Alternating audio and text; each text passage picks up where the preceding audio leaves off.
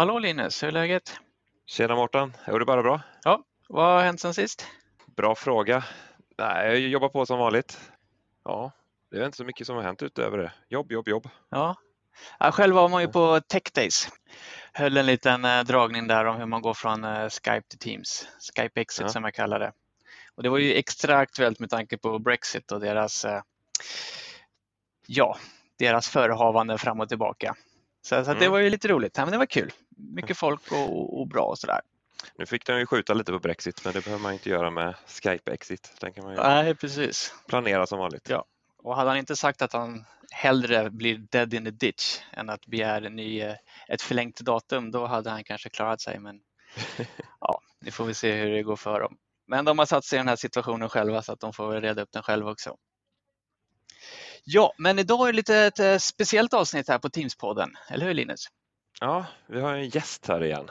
Det ska bli väldigt intressant. Ja, och jag tänkte eh, försöka mig på att introducera den här gästen. Jag kan inte lova att det är den största fanen av Teams-podden som vi har, men jag kan garanterat lova att det var den första fanet av Teams-podden som vi har.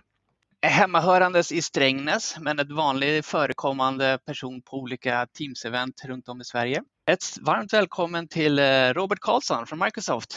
Välkommen! Tack så mycket, tack så mycket. Kul att vara här. Ja, kul att du är här. Och som jag sa, visst, du är ju ett av våra i alla fall första Teams-podden-fans. Jag tror det. Jag är svårt att räkna på sånt, men jag tror att jag var ganska tidigt i alla fall ute och eh, marknadsförde på, via min LinkedIn om att Teams-podden fanns och att det var värdefullt att lyssna in och ha koll på de senaste nyheterna på svenska. Mm. Jag har ju sett att du gör eh, reklam för oss ute på event också. Det är jättebra. Mm. tackar vi för. Så kanske också det största fanet.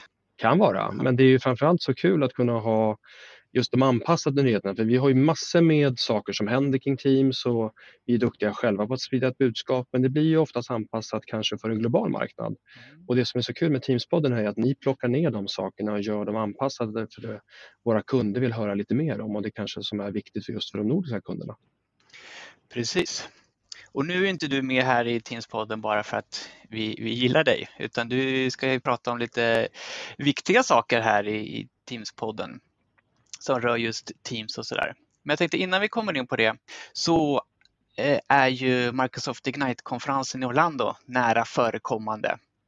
Och eh, både alla vi tre ska ju dit, eller hur? Ja. Mm. Vad ser ni fram emot mest med den veckan? Ja, om, om jag börjar då så framför allt självklart alla sessioner om Microsoft Teams. Jag läste någonstans på interna sajter här att vi hade räknat ihop att det är plus 50 stycken som kommer att handla om Teams på ett eller annat sätt. Så att bara det att hinna med alla de här sakerna och dessutom hinna få inspiration från eh, de här lite närliggande områdena kommer ju bli en, en härlig utmaning den här veckan. Att springa mellan sessionerna, det är ju så enormt stora lokaler dessutom. Mm, ja. Så att mycket motion och, och, eh, mycket vatten under tiden och sen varma kläder så man inte förgås av luftkonditioneringen. Man får ta på sig löparskor där och ta med en varm tröja kan vara bra som man kan ta av sig när man går ut och eh, ta på sig när man går in i de här konferenslokalerna. Mm. Precis, precis. Och du då Linus? Ja, det är ju de här nyheterna som vi hoppas ska komma att presenteras för Teams. Det har ju varit lite nyhetstorka nu det sista, men det är antagligen att man laddar upp inför Ignite och det ska presenteras en hel del. Ja, precis. Det kommer nog bli en del eh, välkomnande nyheter och förhoppningsvis några överraskningar också. Sen ska det också bli trevligt att träffa folk som man eh, egentligen bara träffar online på Twitter och andra sociala medier. Mm. Att eh, få hänga i den här community-delen och prata med folk. Precis, och där får man nog kanske inte för mycket hoppas på att man ska springa in i varandra. För att det är ju vad är det, 22 000 deltagare där så det är väldigt liten risk att man råkar stöta på någon utan man får nästan liksom boka upp om man verkligen vill träffa någon. Liksom. Vi ses där och då. Och sen så, mm. ja. Men som du sa, community boothet finns ju där.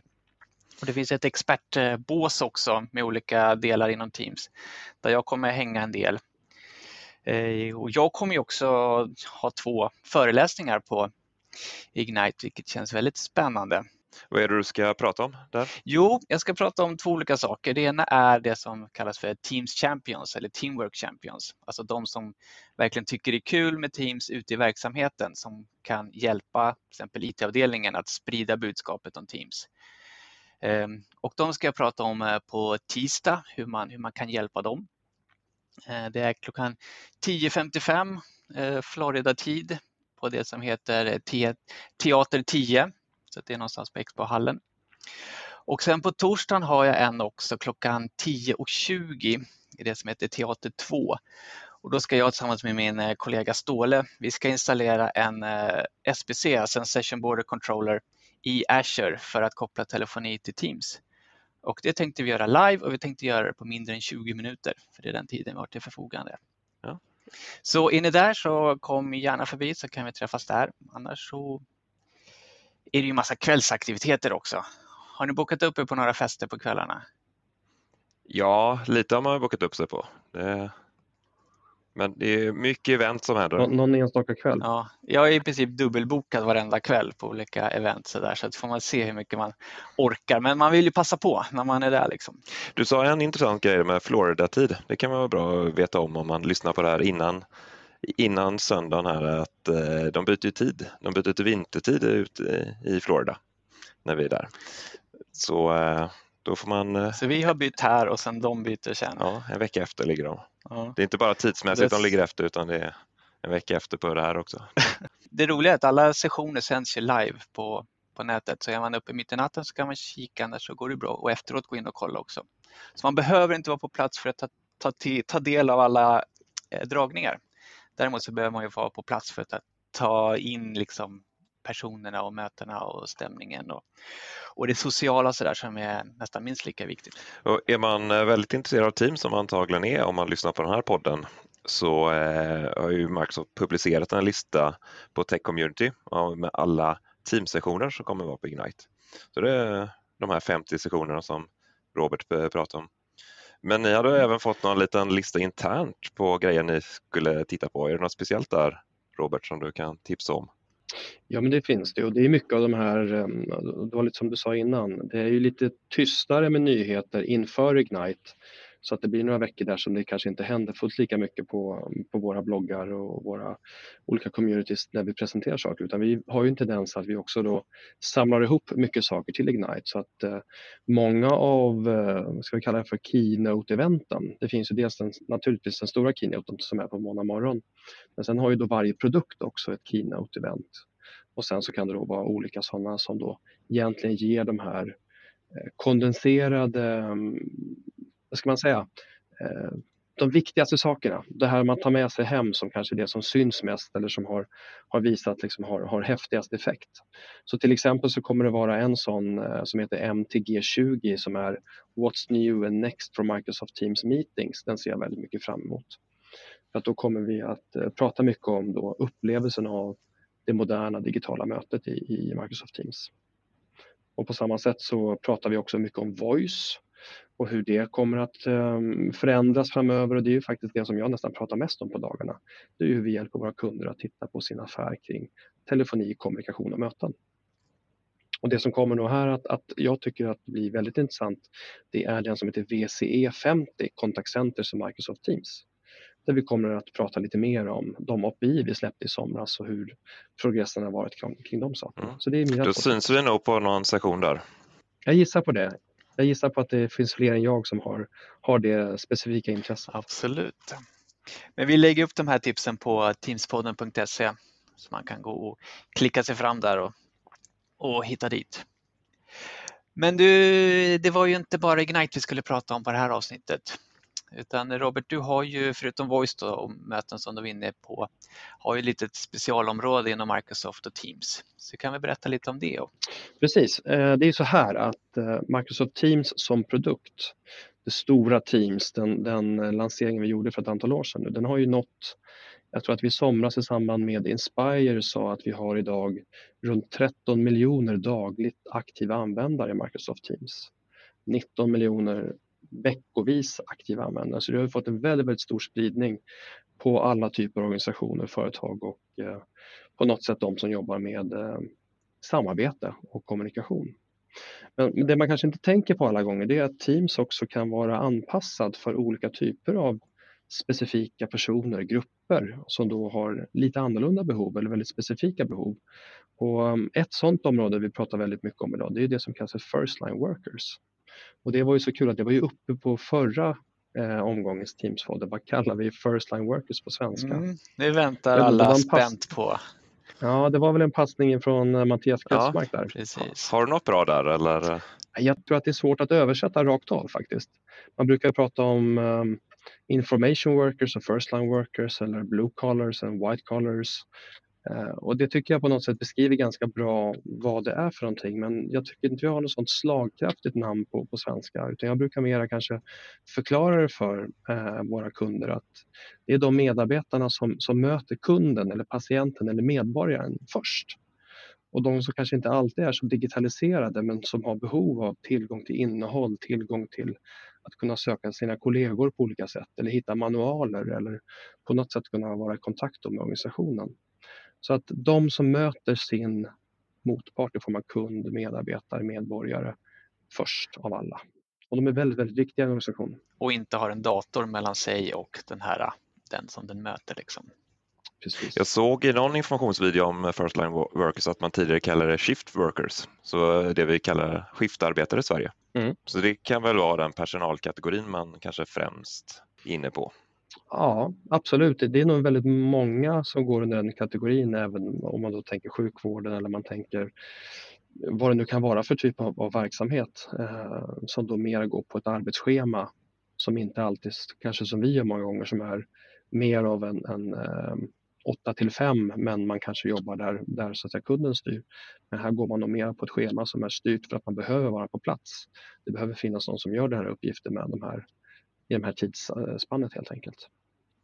Sen är ju skifts och scheman en väldigt viktig del i First Line eh, Teams för First Liners.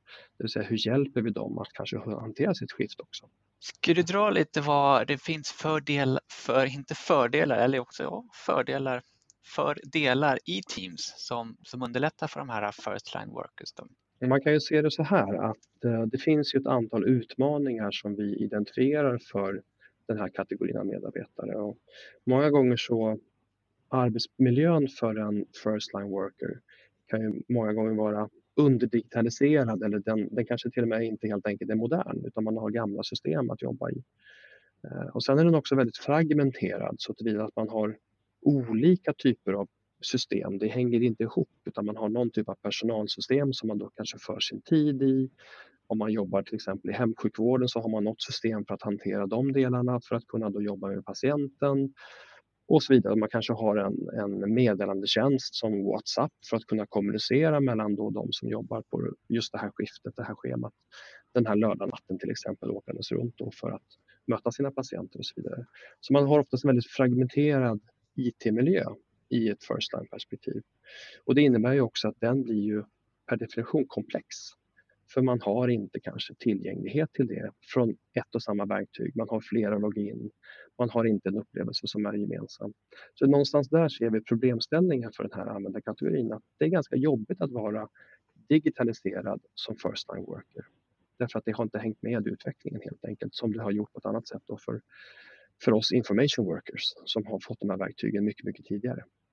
Eh, om man då tar det till, till eh, vad vi ser som då är de olika utmaningarna så till exempel så bör, pratar vi om då hur hanterar vi scheman? På vilket sätt kan jag dels se min, mitt schema?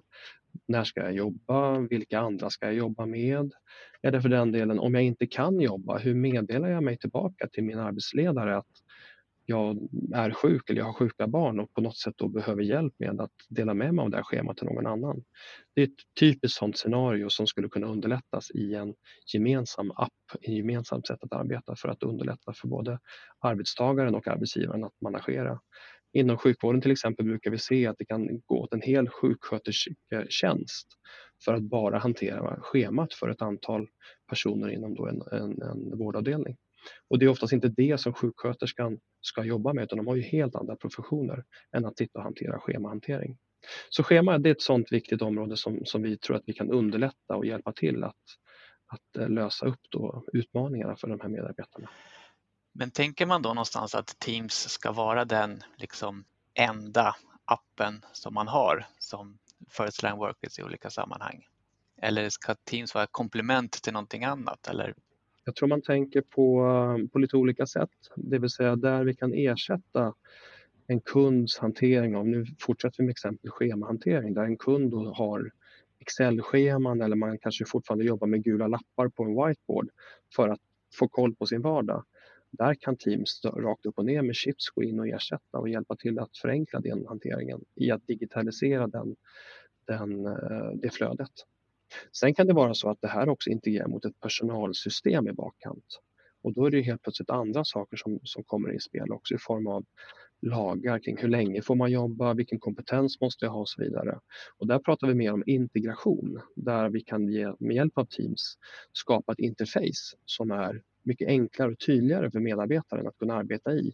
Men där vi egentligen gör alla saker i bakkant med hjälp av API-er. Så att jag tror att man också kan se det på lite olika sätt. Vad är det för problem vi ska lösa? Hur gör vi för just den här eh, specifika kunden? Och vad finns det för legacy IT-system som vi ska integrera mot? Men vi tror att att skapa en hubb för samarbete genom Teams kommer att underlätta för medarbetarna att ha ett ställe att gå till för att göra flera saker i sin, i sin vardag. Och inte att Teams ska bli det nya personalsystemet utan snarare integrera mot befintliga system och presentera det i Teams till exempel. Precis så. Mm. Vilka delar i Teams ser du ser att de här First Line Workers jobbar i? Är det jobbar man med alla delar som vi informationsarbete jobbar med, med kanaler och dokument eller du har varit inne på den här skifthanteringen. Mm. Jag tror att det är lite olika och det är väl därför också vi har tänkt oss att när vi pratar om Teams för First Liners eller anpassade Teams-miljöer så dels är det så att vi jobbar med vertikalisering, det vill säga vi ser att våra produkter kan anpassas för lite olika typer av First Lines perspektiv. Och bara som några exempel till eh, att ha där så kan vi prata om då retail till exempel. Ja, men de har ju sina utmaningar att kanske då framförallt väldigt mycket schemahantering. Hur får vi ihop den här schemat för oss som jobbar på den här avdelningen de här dagarna och så vidare. Då har vi till exempel också den vertikalisering som görs mot eh, våra flygbolag och de som jobbar då med, med luftfarten. Och där kanske vi ser att vi vill hjälpa till att digitalisera det här flödet där man tar emot ett nytt eh, ett flygplan som kommer ner för landning. Man jobbar med att ställa om det här så fort som möjligt med hjälp av då ground crew eller markpersonalen som då kan jobba med eh, interaktiva kort som gör att när jag får in den här flighten i mitt eh, team så kan vi då ha ett antal förvalda definierade saker som vi ska kunna genomföra, besvara genom de här korten i Teams och sen så då göra så snabbt som möjligt planet redo för att då kunna lyfta igen. Och där finns det ett antal saker som vi redan nu har som mallar så att kunna skala det. Så att det som antagligen gäller för ett flygbolag i Sverige ser väldigt likadant ut för ett flygbolag i Singapore, för, för ett flygbolag som jobbar på den amerikanska marknaden. Därför att de här reglerna som man ska jobba mot är väldigt globala. Så att där har vi olika typer där vi hjälper till att hitta mallar och hitta arbetssätt som vi kan då bistå med som underlättar för de olika industrierna. Vertikalisering, det kanske krävs en liten förklaring. Och det är helt på sin rätt. Vertikalisering i det här perspektivet är att vi Microsoft Teams är ju en komplett produkt som innehåller väldigt mycket olika saker som gör att det ska funka bra för många olika typer och kategorier av organisationer.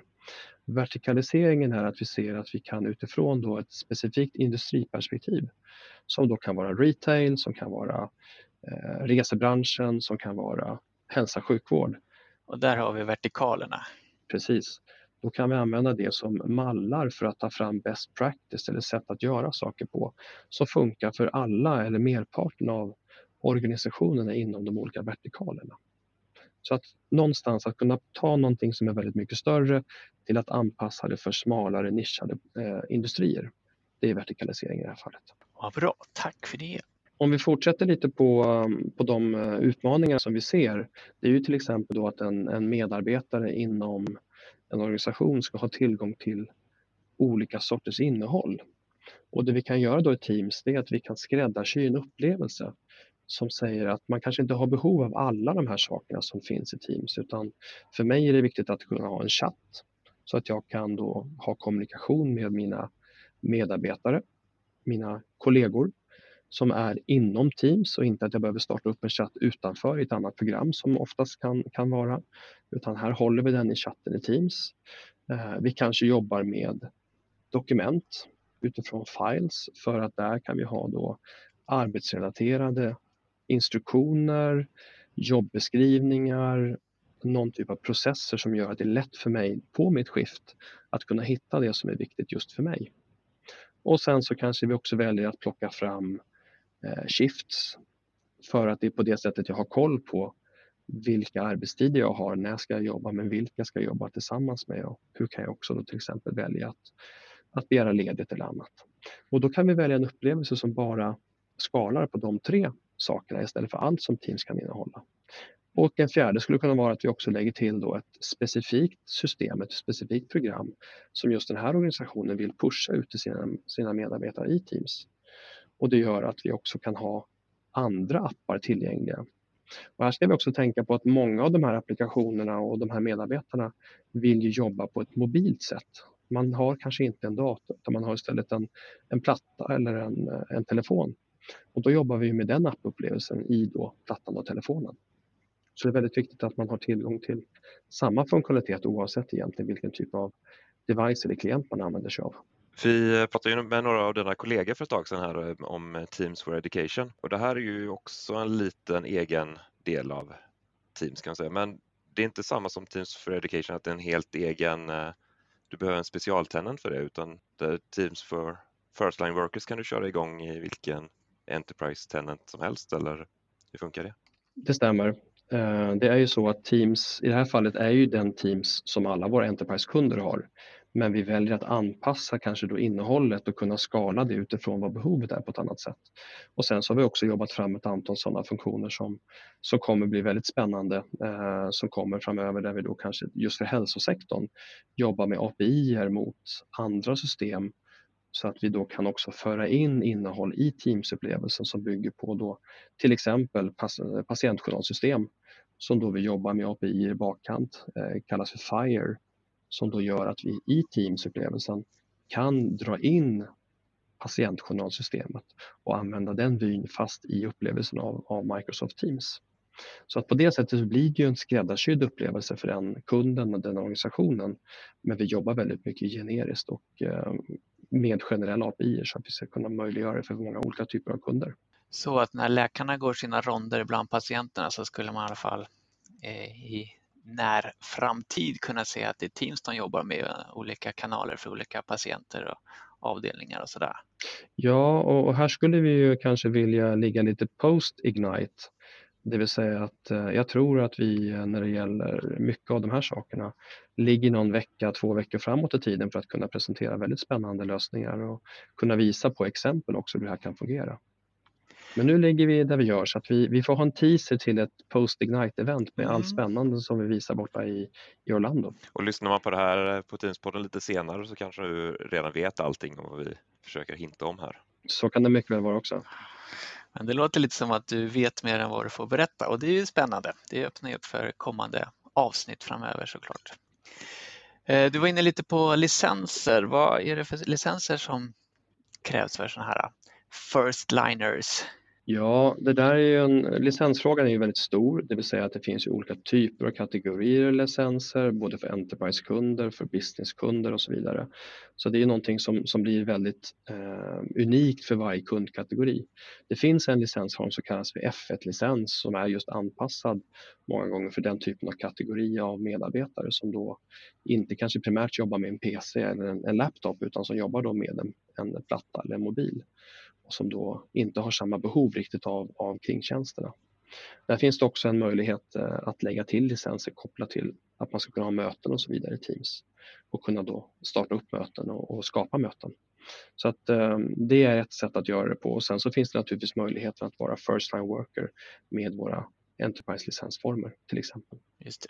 Ja, vi ska inte eh, grotta oss ner för mycket i licensfrågan för då blir det ett sånt långt avsnitt det här. Ett licensprogram kanske? Ja, jag tror att vi ska ha ett licensprogram i sådana fall och eh, där har jag många kollegor som gärna eh, pratar licenser. Det blir alltid kundunikt vilket gör att det är svårt att komma med väldigt generella svepningar kring hur licenser funkar. Varje kund har sin licensuppsättning. Ja, jag vet inte hur många lyssnare vi hade fått på ett sådant program. Det är kanske alldeles för nördigt. Du har pratat en del om skifthantering här. Det finns en app som heter Skifts. Och det är inte Björn Skifts utan det är, det är någon annan.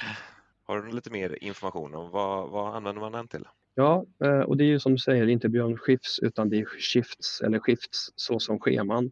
Eh, det fanns en föregångare som eh, gick under namnet Microsoft Staff Hub som var ett eget program egentligen utanför Teams som var en standalone app.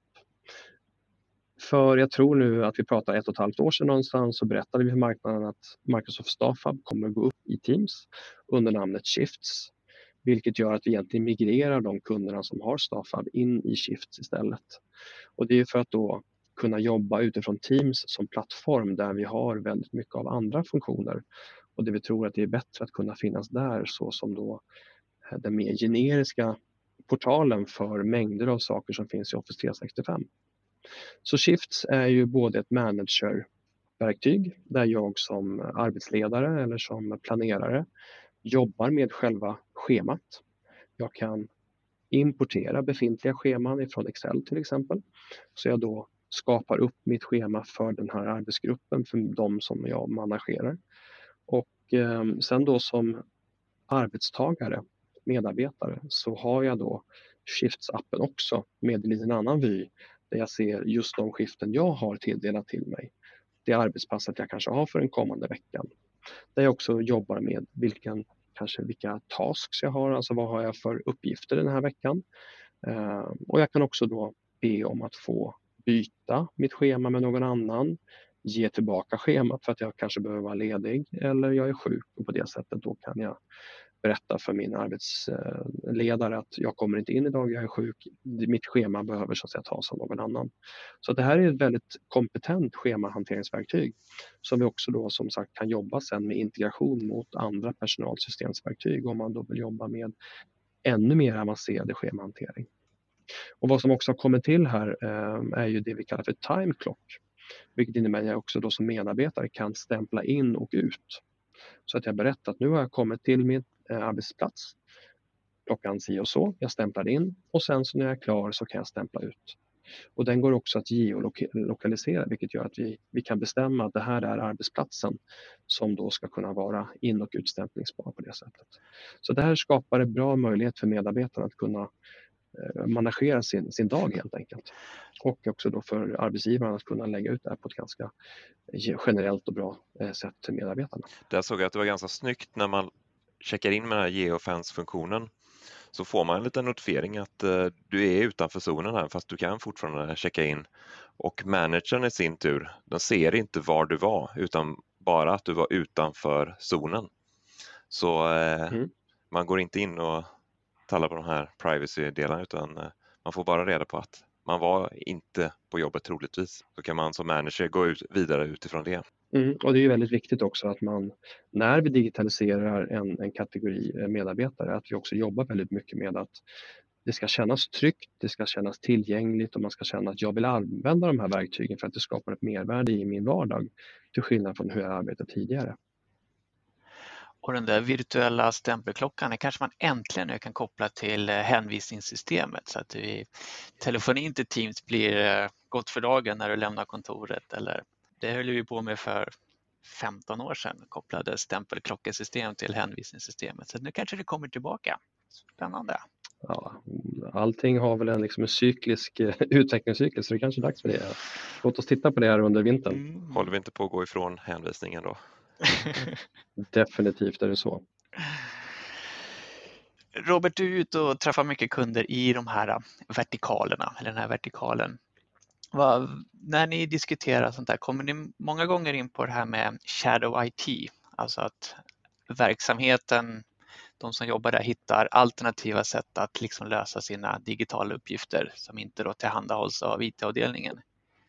Hur brukar diskussionerna gå där? det är en väldigt spännande diskussion för att jag tror att alla i rummet oftast är medvetna om det men, men eh, det är väldigt sällan att man kanske vill prata så mycket om det för att det är ju en känslig sak.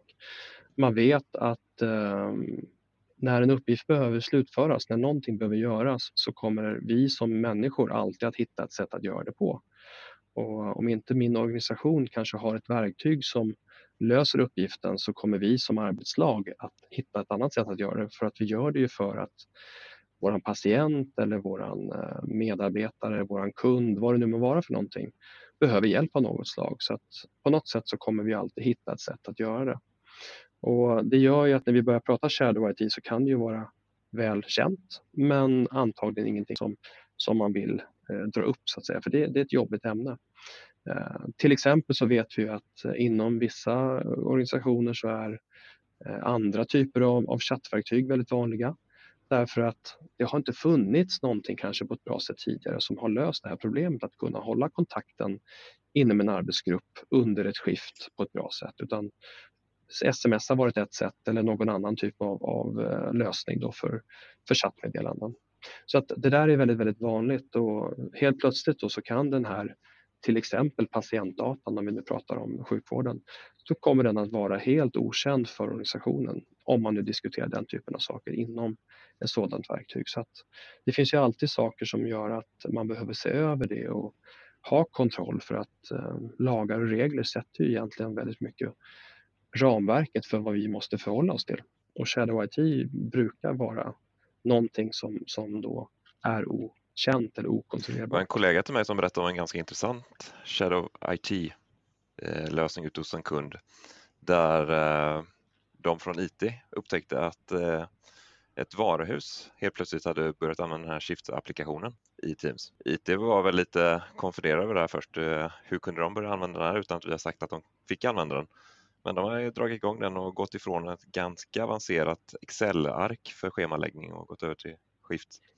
Det är bra när det går åt det hållet. Ja. Jag har ett annat exempel från eh, verkligheten. Det var något år sedan. Jag ska inte hänga ut någon specifikt så här, men det är ju en um, brottsförebyggande myndighet här i Sverige som um, hade att göra med ett inbrott. Och då var det den här konstapeln på plats som liksom tog kort på ett fotavtryck och så hade de plockat in någon misstänkt person eh, i området av en annan patrull och så, så skickade de bild på det här fototrycket med bild på skoavtrycket då, som den här personen hade i en eh, icke-managerad app. Och så kunde de ganska snabbt på plats få indikation på om det var samma sko eller inte som hade varit inblandad i det där inbrottet. Så det finns ju, mycket, eh, finns ju mycket uppgifter som behöver lösas med tekniska hjälpmedel. Och, ehm, eh, men som sagt, det gäller att ha kontroll på verktygen och informationen och eh, lagar och regler. Ja, så är det ju och om vi spinner vidare lite på det där med, med shifts också och så vidare så eh, det kan ju också vara så här att vi för den medarbetaren som har klockat in och klockat ut som jag förut Eh, då kanske vi ska begränsa tillgången till Teams när man inte då är en del av det skiftet för att också säkerställa att man har tillgång till saker när man jobbar men när man inte jobbar så har man en rollbaserad upplevelse så att jag har utifrån min arbetstid och min, mina uppgifter så har jag tillgång till olika funktioner. Och där tror jag också väldigt viktigt att vi, vi jobbar med organisationen att titta på hur tillgängliggör vi saker men hur kan vi också begränsa för att faktiskt minimera risken för att saker kan hamna fel. Och att man då ska ha lätt att göra rätt som medarbetare hela tiden. Ja, just det. Och där kommer ju andra funktioner i Office 365 eller i alla fall i Microsoft 365 i form av liksom conditional access och att du ska bara ha tillgång till din data när du ska ha tillgång till den. Mm. Tidigare har det varit liksom egentligen ett problem om man inte har tillgång till sin data, då är det något som är fel. Men precis som du säger Robert så finns det ju många exempel på här när man faktiskt inte ska ha access till viss typ av data eller data överhuvudtaget. Liksom. Där skulle man kunna tänka sig att en del av de här first line workers inte har en företagsmobil när de jobbar. Och då såg jag att det finns ju en rätt bra funktion i Teams om du tar ett kort på någonting som kanske är lite känsligt och skickar det i Teams så sparas det ju bara i Teams-appen. Så det sparas inte lokalt på telefonen så det här exemplet med det här mm. skoavtrycket som togs, där eh, sparar man antagligen det i en privat mobil kanske och så fick det kanske fötter på något sätt. Skåtrycket fick fötter. Ja. Men tog du ett äh, kort i Teams-appen så ligger det kvar i Teams-appen och ligger inte lokalt. Ja. Och Teams-appen är ju kanske inte alltid men oftast en managerad app i form av Intune. Precis, och där är ni inne på, på, nästa steg då egentligen av det här och det är ju när vi pratar om kommunikation och samarbete som är en så viktig del av Microsoft Teams-upplevelsen och där kameran, eller det vi kallar för Smart Camera i det här fallet, när vi använder kamerappen i Teams, precis som du säger. Eh, andra delar då av just kommunikationsdelen är ju att vi till exempel också lätt kan dela med oss av vår location, alltså vart vi är någonstans, till någon. Det vill säga vi kan i Teams-chatten göra fler saker än bara det vi kanske är vana vid ett vanligt sms. Så vi kan dela med oss av, av location, vi kan spela in och dela ljudmeddelanden eller för den delen använda smartkameran. Och i smartkameran kan vi också då göra anteckningar genom att då rita i den och peka på saker och så vidare. Så att mycket av det här är ju ett, förny, alltså ett, ny, ett, ett nytänk hur vi arbetar. Och för den här kategorin då av medarbetare kanske mängder med smarta saker som vi inte har kunnat göra förut. Men det som Linus var inne på där, liksom en egen privat mobil kontra en företagsmanagerad mobil. Hur ser det ut där ute hos företagen? Utifrån det nordiska perspektivet så är ju vi väldigt mobila. Det vill säga att vi har ju under många, många år arbetat med att vi har mobila telefoner i vår organisation mer kanske än då som det ser ut på andra ställen i Europa och övriga världen där man har haft en tradition av att ha en fast telefon eller kanske då en softphone. Så redan där har ju vi kommit väldigt långt i att många av medarbetarna har en mobil betald av organisationen oavsett om det då är en eh, privat eller en, en publik organisation. Så att vi har ett väldigt, en hög mognadsgrad till att faktiskt få använda mobilen som är betald av någon utifrån då det perspektivet att kunna ha den som en del av verksamheten. Sen så som ni var inne på, de som inte har en mobil idag skulle ju kunna då Intune-managera sin, sin eh, telefon och på det sättet då få tillgång till ett antal eh, företagsapplikationer som då blir hanterbara av organisationen fast det är på en privatpersons mobil och då tar man bara dem så att säga i en egen ö och det är det man managerar. Men vi skulle ändå då möjliggöra att man får tillgång till väldigt mycket mer saker och mer digitalt innehåll än tidigare. Och fortsätter vi dialogen utifrån kommunikation och samarbete så det vi ser väldigt mycket inom Teams då för healthcare eller Teams för hälsosektorn. Det är ju när vi börjar prata om eh, secure messaging som koncept. Och secure messaging det är egentligen ett antal olika saker som bygger på att vi vill hjälpa till att säkerställa att då för mitt meddelande till exempel har tagits emot av någon annan så jag vet att det här väldigt viktiga meddelandet har kommit fram och lästs. Och då har vi det vi kallar för read receipts så att vi ser då en liten bock i kanten på att någon har mottagarna så har tagit del av det jag skickat. Men vi kan också prata om eh, prioriterade notifieringar, att när jag skickar mitt meddelande så kan jag utöver att då lägga att det här är viktigt, kan jag också lägga priority på det, vilket gör att på mottagarens telefon så kommer det på den här ehm, startskärmen, det vill säga när den är nedsläckt, så kommer vi nu att göra det som en, som en notifiering som tänds med regelbundenhet tills dess att jag gått in och läst det som då är en del av eh, innehållet i den här headen. Så att vi kan då hjälpa till att säkerställa att det här meddelandet kommer tills det har blivit mottaget att flasha på dennes telefon. Så på det sättet jobbar vi med att kunna, kanske över tiden då göra mobilen en eh, ersättare till personsökaren om vi, om vi har varit med om personsökare tidigare. Mm. Där vi då ser till att uh, vi vet att det har tagits emot, vi vet att det här har lästs, vi vet att det kommer att flasha på mottagarens terminal tills det har lästs. Och det, det är väldigt viktigt att kunna säkerställa det, att vi har kontroll på att vi får en mottagare. Vi kommer också att jobba mycket med det vi kallar för rollbaserad meddelandehantering. Så vi kan istället för att då kanske ha en person jobba med att det är en funktion som, eh, som tar emot meddelandet.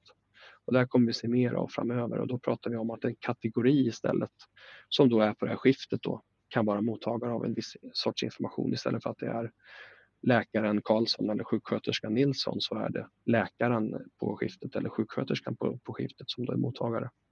Så rollbas. Så vid en eh, operation där om man behöver en akut narkossköterska ska man skicka ut det till den kategorin istället för att veta vem man ska skicka till. Precis, det blir mer som en grupphantering då istället. Och, och det här är ju sånt som vi ser utveckling på hela tiden så att uh, vi får se vad vi kan uh, prata mer om utifrån Ignite-perspektivet. Är det också en liten teaser? Det kan vara en liten teaser.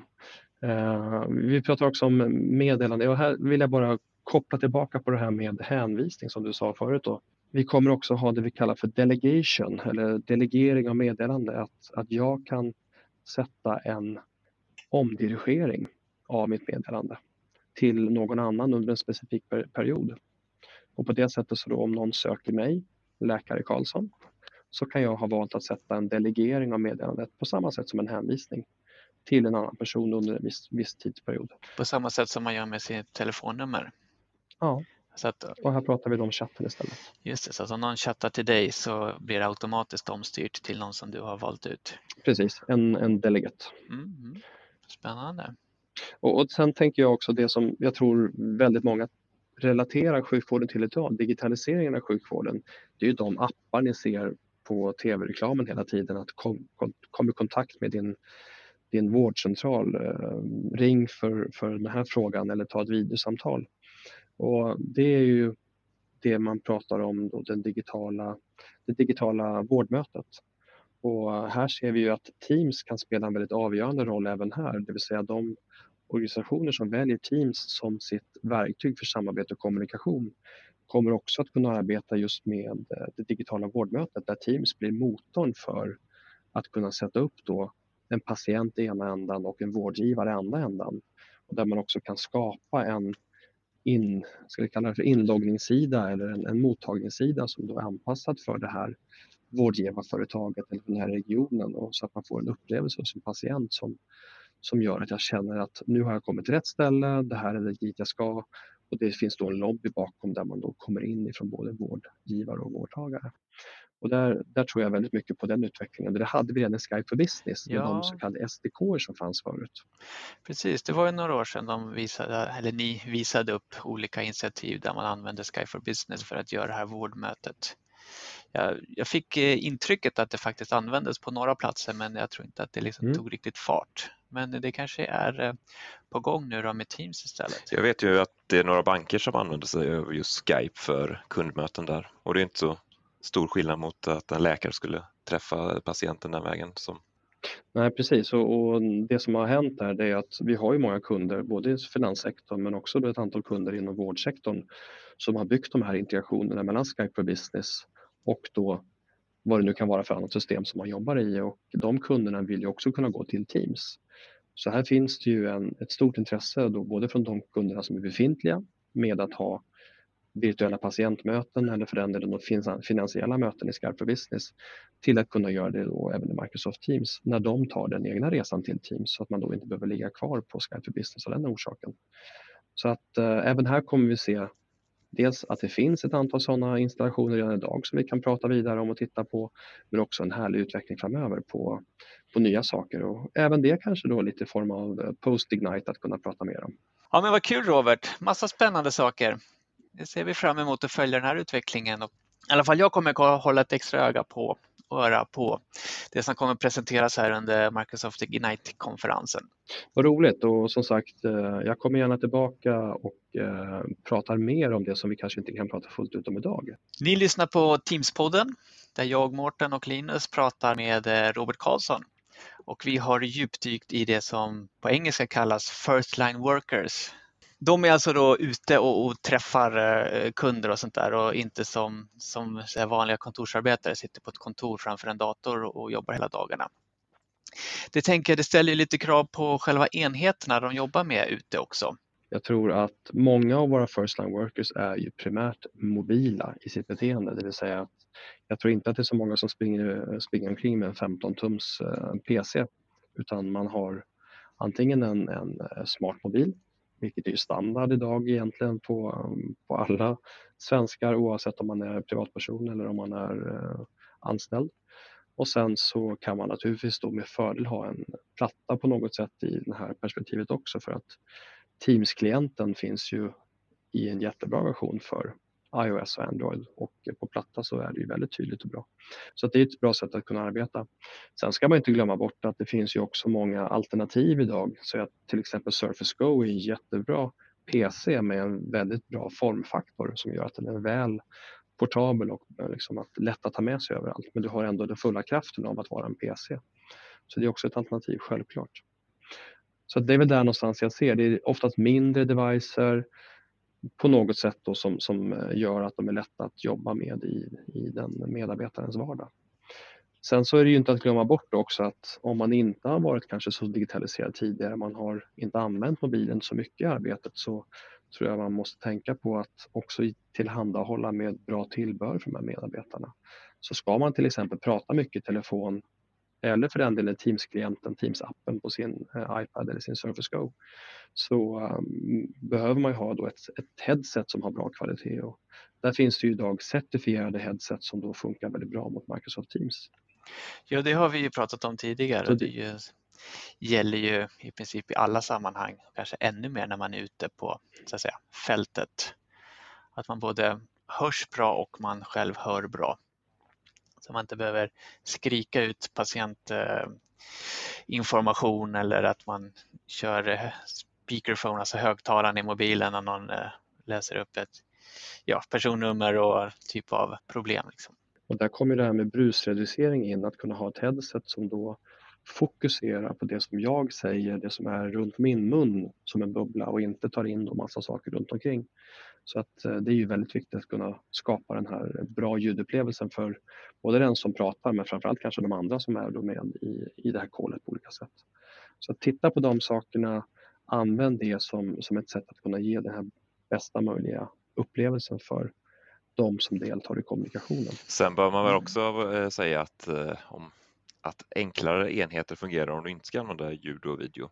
Så ska du bara använda den här eh, Shifts-applikationen till exempel eller skicka chattmeddelanden så behöver man inte som företagare köpa in de mest avancerade telefonerna till sina first line workers utan det fungerar med lite billigare telefoner också för Teams-klienten eh, klarar av det utan problem. Ja, verkligen. Och eh, jag tror ju att många av de, de så kallade low-end enheterna idag har ju väldigt bra styrka och, liksom, och, och klarar av väldigt mycket saker. Det, det, man kanske möjligtvis sparar in på det är väl kamera och, och skärm och sådana saker då, jämfört med, med de produkterna som, som kostar betydligt mycket mer. Så jag tror att den användarupplevelsen är väl så god oavsett om det är en billigare än, eller en dyrare device. Sen har vi de nya Surface-enheterna som Microsoft presenterade här för någon månad sedan. Vikbara hit och dit och hej och hå.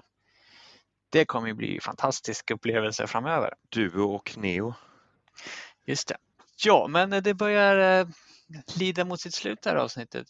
Jag tänkte Robert om du bara kunde mm, ta en kort sammanfattning vad det var som, som är just för de här eh, first liners, first line workers och, och teams.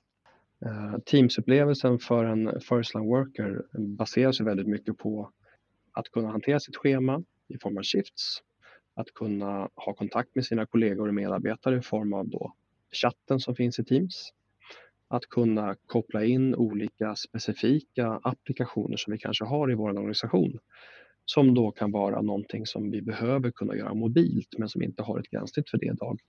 Och att kunna anpassa den här vyn då i Microsoft Teams att bara innehålla det som är viktigt för just den här kategorin av medarbetare. Så att vi skapar en upplevelse som är inte mer och inte mindre än det man behöver för just den här användarkategorin. Och det kan vi skapa i vårt admin-gränssnitt. En anpassad appupplevelse där vi då har bara de funktionerna som just den här gruppen har behov av.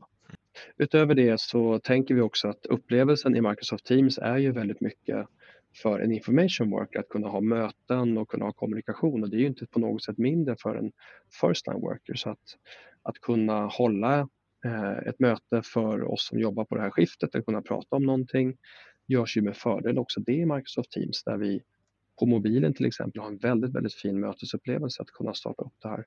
Men också som vi sa i patientfallet när vi pratar om att kunna ha möten tillsammans med våra patienter och anhöriga där Microsoft Teams är en motor för det.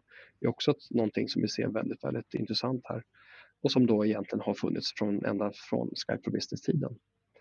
Så att eh, hela den här mötesdelen i Microsoft Teams är ju en väldigt fantastiskt fin mötesupplevelse där vi har bra kvalitet och den är väldigt mobil utifrån att alla funktioner mer eller mindre finns på alla plattformar oavsett om det är en app, en klient eller om det är webbläsaren.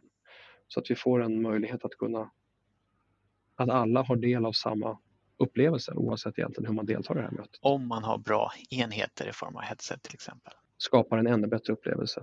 Det vi också ser bara som en eh, sidoanteckning här är ju att jämför vi kanske en, den upplevelse man haft tidigare med möten så har ju Microsoft Teams blivit en ny standard för att kunna ha möten på kanske till och med lite halvtaskiga eh, uppkopplingar och där uppkopplingen går kanske från wifi till 4G och fram och tillbaka men vi på ett väldigt bra sätt lyckas hålla i det här mötet och skapa en, en upplevelse för de som är i att ja, men vi, vi klarar oss på ännu lite mindre kvalitet och det, det blir ändå väldigt, väldigt bra att man kanske också då vågar använda video mycket, mycket mer än förut. Ja, men jätteintressant Robert. Eh, mycket spännande delar här som man kanske inte själv har eh, funderat på i de här banorna. Ja, det är mycket intressant och eh, nej, jag har själv inte jobbat jättemycket med den här typen av användare så det är bra att veta vad man kan göra och vad det finns för möjligheter. Och det är härligt att allting finns tillgängligt i Teams, enkelt att testa för vem som helst. Men då så, näst på tur här står ju Ignite, konferensen i Orlando. Så Linus, vi kör väl en, eh, nästa inspelning kör vi väl därifrån va? Ja, vi kan försöka rigga upp något mm. där. Det tycker jag med lite härligt eh, sorl i bakgrunden. Där får vi se till att ses. Ja, där ser vi ju Robert också. Det, det är trevligt. Precis, vi får väl eh, avvakta några dagar in i konferensen så att vi hinner ta, de, ta del av alla nyheter som presenteras. Så siktar vi på att skicka ett eh, rykande färskt nyhetsspäckat Teams-podden-avsnitt här framöver. Så tack för att ni har lyssnat. Tack Robert för eh, mycket bra insikter och eh, kunskaper. Tack själva, kul att vara med idag. Ser fram emot att träffas på Ignite. Och, eh, men då så Linus, finns det bara en sak att säga då. Ja, tack till alla lyssnare. Tack till alla och Teamsa lugnt. Hej då.